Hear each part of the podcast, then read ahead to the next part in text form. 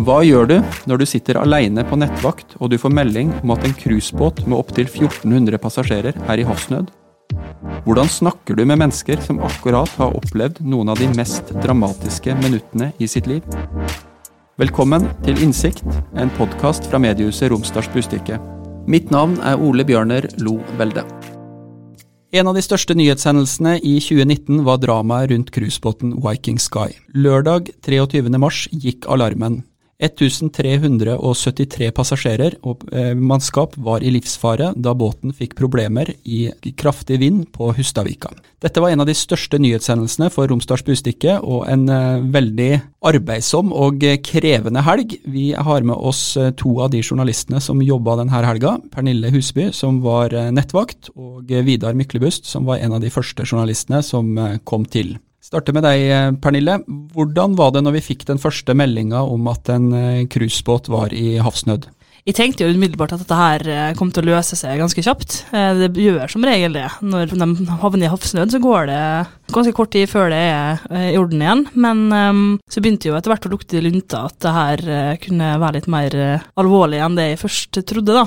Jeg var jo alene på jobb, og jeg visste jo at det var meldt Eh, ganske dårlig vær, så jeg var litt obs på været. Det hadde vært noen sånne småsaker med noen steiner som hadde blåst i land ut bort på Reknes, og et uh, fjøstak som hadde løsna på Farstad. Så akkurat da tipsene begynte å komme inn på uh, tipsmailen vår, så drev vi og prøvde å få tak i en uh, lite snakkesalig bonde på Farstad som hadde mista taket sitt, og jeg slapp ikke den helt med det første sjøl om den meldinga kom inn. Eh, men så begynte jeg å få bilder, og da så jeg jo at det skipet var ganske nært land. Eh, og da prøvde jeg å ringe bl.a. Hovedredningssentralen og alle som egentlig gikk an å ringe, og jeg fikk ikke svar. Og så visste jeg det at når noe alvorlig skjer, så setter Hovedredningssentralen alt ledig mannskap over på å drive med uh, redningsaksjonen. Og da var det ingen som kunne betjene presstelefonen. Vi fikk også noen tips om at det var mye utrykningskjøretøy på vei ut ja, til Ja, det stemmer. Det var kollega Jan Inge Tomren som ringte. Han ringte jo ganske tidlig like over klokka to, vil jeg tro. Og da fortalte han at det var masse politibiler på vei øst. Så da skjønte jeg at ok, nå må jeg bare få ut saken. Eh, og jeg ringte politiet, eh, og da hadde de akkurat tvitra at det var et cruiseskip med problem i Hustadvika, så det. Så da ringte jeg politiet og så spurte jeg ja, hva betyr problem, da. Så svarte han som var på jobb at eh, rett og slett bare problem.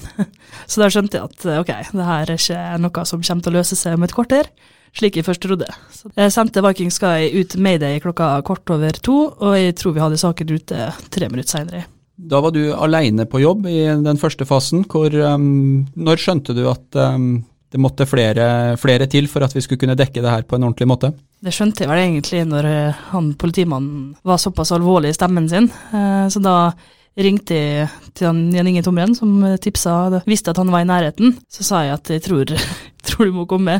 Ja, du kom jo, Ole Bjørner, og Vidar etter hvert. Og så begynte jo det jakta på å få mer informasjon eh, ganske tidlig, det også. Fikk vite at de drev og evakuerte, for det var jo ingen som svarte noen plass, sant, som jeg sa tidligere også. Så da måtte jeg rett og slett ringe politiet og be eh, på mine knær om å få vite noe, fordi at det, eh, når du veit på en måte at her er det masse folk i potensiell livsfare, så må vi få vite hva som skjer. Og da sa han politimannen, at han som var på jobb på operasjonssentralen til politiet, at ja, jeg skal tvitre snart. Så sa jeg nei, jeg vil vite det nå. Kan ikke få lov å vite det nå? Jo da. Og da fortalte han at de, de var i gang med å evakuere 1300 passasjerer. Vaktskiftet på RB-nett på en lørdag er normalt sett klokka halv fire. Du var litt eh, tidlig ute denne lørdagen, Vidar Rytter Myklebust. Og hvordan var det når du, eh, når du kom opp i, i redaksjonen da? Hva husker du av det?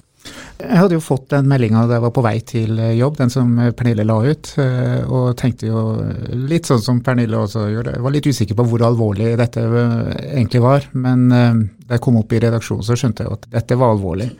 Både fordi at det var litt vanskelig å få tak i folk som kunne si noe om det her. Og samtidig så fikk vi veldig mye telefoner inn Eh, både fra eh, private, men også fra journalister etter hvert, fra andre medier, som ville høre med oss hva var det egentlig som skjedde ute i Hustadvika.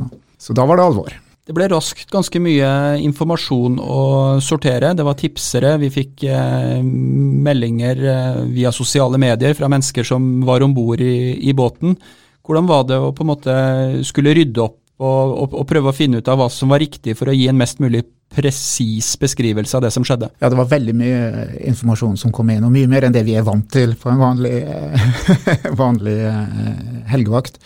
Eh, så det som ble tydelig ganske tidlig, var at her måtte vi ha en eh, redaksjonsledelse. Var, vi måtte ha mange journalister som kunne gjøre alle sakene, men vi måtte også ha en, ha en god bemanning i redaksjonsledelsen som kunne sortere informasjon som kom inn, og prioritere hva vi skulle dekke for noe, slik at vi ikke sendte altså Etter hvert så begynte jo ting å skje på forskjellige steder. Så Det var noe som var veldig viktig eh, tidlig. da. Det jo noe som jeg husker også, at eh, med en sånn type nyhetshendelse så er det veldig vanskelig å forutsi hvor er det den gode historien dukker opp, hvor er det det gode bildet er, hvor er det vi på en måte må være for å, for å beskrive en situasjon. Det vi gjorde var jo at vi raskt skjønte at vi måtte ha flere team ut til uh, Hustadvika.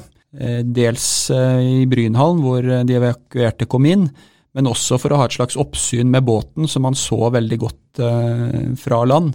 Etter hvert så, så forsto vi jo at det var ved Brynhallen da, at de evakuerte skulle tas inn, kom med helikopter. Du sa til meg, husker jeg, Pernille, at det var da du skjønte at det var en alvorlig situasjon, når de faktisk begynte å, å evakuere fra, fra denne båten. Vi fikk jo beskjed fra politiet at nå setter vi i gang å evakuere, og da tenkte jeg ok, her er det full storm. Det er åtte meter høye bølger. De skal løfte opp cruisepassasjerer i eh, alle aldre opp med helikopter. Der var det bare om å gjøre å holde hodet kaldt, egentlig. Altså, for vi fikk jo også vite veldig tidlig at de skulle til Brynhallen. Eh, fordi vi hadde en årvåken journalist eh, som og Rigmor eh, Sjåstad Hagen, som kjørte forbi og så at der var det litt uh, uvanlig aktivitet. Så der var vi jo på plass uh, med en gang, og vi var den første som meldte om det. Og uh, jeg husker at jeg sjekka den samtaleloggen min på mobilen dagen etter, og det, jeg måtte jo bla sikkert i flere minutter for å komme ned. Altså, det var så masse telefoner, og, bare, og du hadde jo adrenalinet pumpa jo i hele kroppen. Jeg, jo, jeg måtte husker, bruke veldig mange krefter på å holde meg rolig, altså husker på et tidspunkt når det sto på som verst, skulle jeg si, så, så, så ser han ringer på meg, og så sier han du er klar over at dette her er det største du kommer til å oppleve i karrieren din? Jeg bare må ikke si det, da. da ble jeg i hvert fall stressa.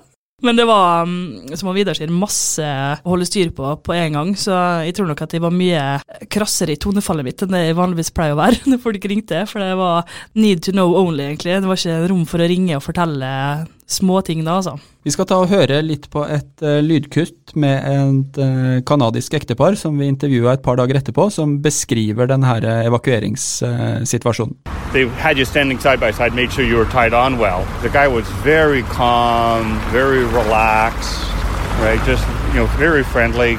But rather than giving you a warning sign that you were going to get lifted up because you're going to get hauled off right away from the ship, he just all of a sudden, boom, you're gone. And before you realize it, you are up and out. And oh, I'm completely scared of heights.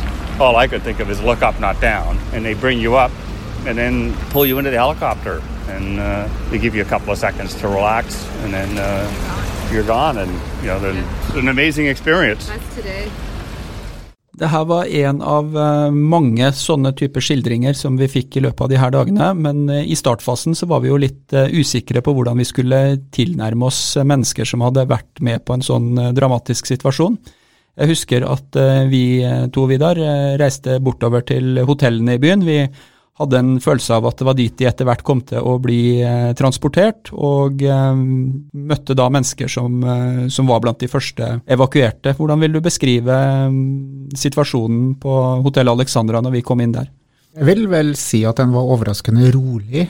Sånn som det klippet vi hørte nå, er egentlig ganske representativt for hvordan mange forklarte eh, om opplevelsen, selv om det var, eh, var, andre som også beskrev det som det mest skremmende de opplevde i hele sitt liv, og at det var, var en eh, ganske fryktelig påkjenning. Eh, men eh, mange var veldig rolig og fortalte ganske rolig og nøkternt om det, og var veldig takknemlige og imponert over den hjelpen de hadde fått, og måten redningsmannskapet hadde håndtert det på, og kommunen og de andre instansene hadde, hadde stilt opp for dem. Det her eh, skjedde jo på en eh, lørdag, og eh, på lørdager så kommer det veldig få fly til Molde. Når en så stor nyhetshendelse inntraff, så opplevde vi i Romsdals Bustikke lenge at vi var mer eller mindre aleine som pressefolk. Jeg Skal ikke underslå at det var noen her fra NRK, at det etter hvert kom noen journalister som, som bor i området, frilansere som, som ble henta ut. men Det store medietrykket kom først eh, et lite døgn seinere, sånn som jeg opplevde det. Jeg må si at det var ganske spesielt å føle at man var alene og var på en måte den primære nyhetsinformasjonskilden for medier, både riks og også etter hvert internasjonalt. Og at det vi la ut på nett eh, i løpet av minutter eh, kom eh, direkte på NRK TV og på, på TV 2. Det var jo ikke bare norske medier, det ringte jo fra BBC, amerikanske medier, etter hvert som altså mange ledende mediehus også i Europa for å sjekke om det var tyskere om bord, franskmenn om bord osv., og, så og brukte da oss som en, som en kilde til, til informasjon. Ja, den første meldinga vår også. Jeg husker ikke helt uh, tallene på den, men det var vel uh, godt over 30 000 visninger på den. Og den ble jo også linka til i uh, New York Times og The Guardian. Og, så det var ganske spesielt å se at det liksom sto Romsdals Bustikke. Jeg lurer på hva de trodde det betydde, men det var en veldig spesiell følelse, altså. Og vi var jo først ute med ja, så å si absolutt alt. Etiske vurderinger som man gjør underveis, var det Jeg kan fortelle litt om det, Pernille. Hvordan vi tenkte i forhold til hva vi kunne publisere hva vi burde vente med, sånne ting? Ja, det var flere eh, hendelser, det. Eh, den som kommer eh, først, er jo da de evakuerte begynte å komme inn på Brynhallen. Da var det jo flere av dem som eh, var skada, annet en mann som hadde en, en, veldig stor skade i ansiktet, så han blødde kraftig i ansiktet. Og han ble det tatt bilde av, og de bildene kom jo inn til oss. Og det man sånn automatisk tenker, er jo oi, for et beskrivende bilde for den hendelsen her. Altså hvor det er faktisk eh, veldig alvorlig. Men så ble det jo gjort eh, en vurdering på å ikke bruke bildet. For det første så vet vi jo ikke eh, hvem han mannen er. Eh, vi vet ikke hvor skada han er. Vi vet ikke han har, hvor han er fra. Vi vet ikke om han har familie her. Vi vet egentlig ingenting, annet enn at uh, han var på skipet, liksom. Så da ble det bestemt at det skal vi ikke bruke før vi har fått tak i han, og at det faktisk er greit for han. Og jeg tror faktisk ikke, eller jeg er litt usikker på om det ble brukt, men jeg vet at vi, vi traff han. Vi sto og venta på han på seilet, da fikk han se bildet sjøl, og han eh, hadde en veldig kraftig reaksjon på det, altså. Var det også sånn at det var en del av passasjerene som delte bilder og videoer i sosiale medier, som vi også bestemte oss for å ikke bruke, eh, for mye av det var, ga veldig sterke inntrykk, og det var også bilder av Eller du så faktisk at folk fikk ting eh, i hodet og fikk møbler og sånn over seg, og igjen så vet jo ikke vi hvem folka er, og vi vet ikke hvordan det gikk med dem.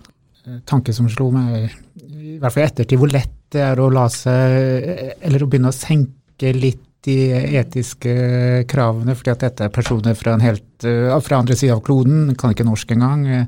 Vet ikke hvem det er. Ja, det, ja. Eh, så er det en så dramatisk hendelse som så mange medier skriver om, mange journalister er på. Det blir på en måte en spiral hvor det er viktig å være enda litt mer dramatisk enn eh, en konkurrentene. Og da er det lett å eh, trå feil. Men det syns jeg vi greide veldig bra. I ettertid kan ikke jeg se noe vi har gjort som vi ikke burde gjøre, egentlig. Vi var nok litt um, restriktive med, med publisering. Uh, og som du sier, i ettertid så har jeg tenkt at det egentlig var uh, ganske fornuftig. Det man ikke skal gjøre i en sånn situasjon, er jo på en måte å underslå dramaet, altså hvor alvorlig situasjonen var. Og Sånn sett så kan du jo si at Eh, det ble veldig godt illustrert med de bildene som ikke var identifiserbare, som var tatt på veldig lang avstand, som viste denne båten som, som lå og kjempa med bølgene så tett på land, og som viste disse her evakueringssituasjonene spesielt det bildet som, som, Pernille viser til, eh, så tenker jeg at det er litt andre hensyn som, eh, som slår inn. For da er det en person som er identifiserbar, som er i eh, en situasjon som kan være vanskelig. Og eh, vi ville jo aldri tatt et sånt bilde, eh, eller publisert et sånt bilde fra f.eks. En, en ordinær bilulykke. Da ville refleksen vår med en gang ha sagt at dette her kan vi ikke trykke. Og noen av de vurderingene gjorde vi jo da også knytta til enkelte av disse bildene rundt evakuerte. Det var jo et drama som varte i godt over et døgn, et eh, drama som endte godt. Eh, det er fortsatt eh, sikkert mennesker som har dramatiske historier med seg fra, fra Viking Sky. Men sånn overordna så kom jo båten til slutt til Molde. Ingen eh, liv gikk eh, tapt. Hvordan opplevde vi det, Pernille? Det syns jeg var veldig rørende på mange måter. Eh, både det, den frivilligheten som eh, Bryn IL viste der ute, og all den frivilligheten som ble vist eh, overalt, både her og i Kristiansund og overalt. Og det viser liksom hvor fantastisk folk er når, nok, når noen andre har det vondt, da, så stiller man opp. Det syns jeg var veldig godt å se. Og så var det jo også en veldig spesiell følelse da båten kom hit. Eh, da hadde jeg, jeg kom vel på jobben ja, noen timer for tidlig, for jeg dirra vel fortsatt av adrenalin, så jeg klarte ikke å sitte hjemme. Og da rakk jeg vel akkurat eh, å ta over RB-nett og fikk lagt ut en sak om at eh, skipet nå hadde lagt til kai. Vi streama det jo. Og da ser du på en måte når eh, skipet seiler sakte inn til storkaia, at folk står med flagg, og det var jo tjukt av folk på kaia og tok imot. Og da måtte jeg samle meg litt for å ikke begynne å grine. ja. Det var veldig sterkt å se, eh, og det må ha vært ekstremt sterkt for dem som fortsatt var om bord i båten, for det var jo noen som valgte å bli igjen. Eh, og de sto og vinka og var så takknemlige, og de, ja, det var rørende og fint, og det var et under at det gikk bra, egentlig. Og Da var eh, verdenspressen nådd fram, for da var det veldig mye pressefolk i, i Molde et lite døgn. Mm, var, jeg var borte på seilet dagen etter der og skulle snakke med flere av dem som var med. Da var det mye folk, altså. Det var VG og Dagbladet, og alle hadde tatt turen da. Du har hørt Innsikt, en podkast fra mediehuset Romsdals Bustikke. Ved å abonnere på denne podkasten får du automatisk beskjed når en ny episode er klar. Thank you.